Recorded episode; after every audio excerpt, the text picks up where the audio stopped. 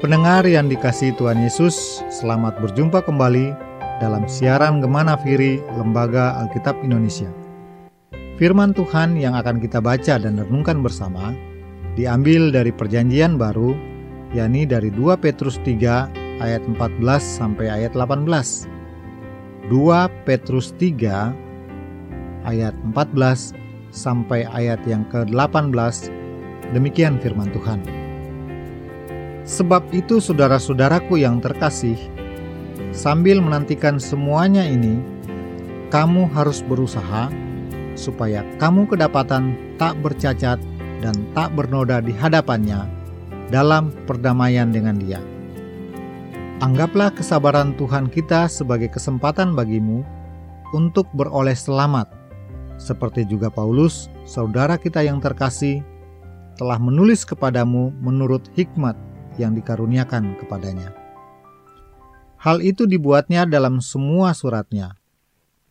Apabila ia berbicara tentang perkara-perkara ini, dalam surat-suratnya itu ada hal-hal yang sukar dipahami, sehingga orang-orang yang tidak memahaminya dan yang tidak teguh hatinya memutar balikannya menjadi kebinasaan mereka sendiri.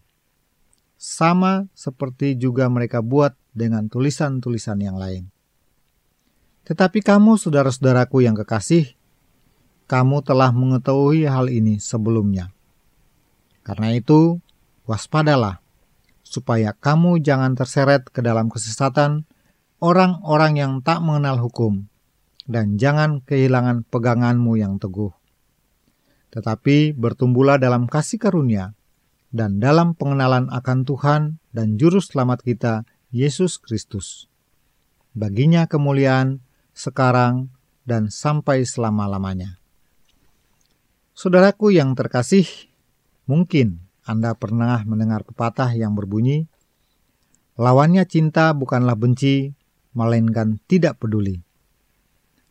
Ungkapan ini menyadarkan kita bahwa melawan cinta bukanlah dengan benci, tetapi bila kita tidak peduli sesama, maka itulah bukti nyata kita melawan cinta. Kepedulian sekecil apa pun yang kita berikan kepada orang lain adalah bukti bahwa kita memiliki cinta. Oleh sebab itu, kepedulian kepada sesama merupakan sebuah prioritas hidup, karena cinta merupakan kebutuhan dalam hidup seorang manusia. Mungkin kita sering mendengar lirik lagu, "Tanpa cinta, apalah arti hidup ini?" Lirik tersebut terdengar berlebihan. Namun bila kita memaknai, memang ada benarnya bahwa manusia tidak dapat hidup tanpa cinta dan kasih sayang. Berbicara mengenai kepedulian, tak jarang kita mengaitkannya dengan persembahan. Anak-anak Tuhan yang peduli terhadap sesamanya umumnya memberikan persembahan, baik waktu, tenaga, maupun materi. Tuhan Yesus dalam pengajarannya meminta kita untuk memberikan sesuatu dengan hati yang tulus, seperti untuk Tuhan. Namun, kini ada orang-orang sengaja melayani dengan maksud-maksud pribadi, tetapi tidak menyadari bahwa alasan mereka tidak mau memberi adalah karena mereka telah kehilangan visi. Dalam Perjanjian Lama, setelah Salomo berdoa, kemuliaan Allah memenuhi bait suci Waktu pun terus berlalu, dan bait itu masih ada di sana. Tetapi emasnya telah hilang, dan kuningan telah diletakkan di tempatnya. Persembahan yang harum telah pudar, karena Salomo tidak mampu menjaga kemuliaan dan kesetiaannya pada Allah. Patut kita akui bahwa kita adalah makhluk yang lemah dan sulit melawan godaan. Namun, anak-anak Tuhan perlu mempunyai perbedaan yang nyata dari anak-anak dunia. Mungkin saat ini Anda dan saya hidup dalam keadaan yang dipenuhi banyak keberuntungan. Namun, sampai kapan keberuntungan ada bersama kita? Seiring berjalannya waktu, tubuh kita akan semakin menua, dan kita tidak lagi memiliki kekuatan untuk menikmati indahnya dunia. Semua yang indah dan nikmat akan cepat berlalu. Kemuliaan manusia pasti akan memudar, tetapi kemuliaan Allah tidak pernah pudar. Kehidupan bersama Allah di kala senang maupun susah memberi kita kekuatan dan ketabahan ketika masalah merintangi hidup kita. Kedekatan kita dengan Allah sangat menolong kita di segala situasi. Dalam situasi senang, hendaknya kita mengucap syukur kepadanya. Begitu juga di kala susah, kita harus nantiasa mengucap syukur. Dalam setiap masalah terberat yang kita hadapi, percayalah bahwa Tuhan akan memberi kekuatan dan pengharapan.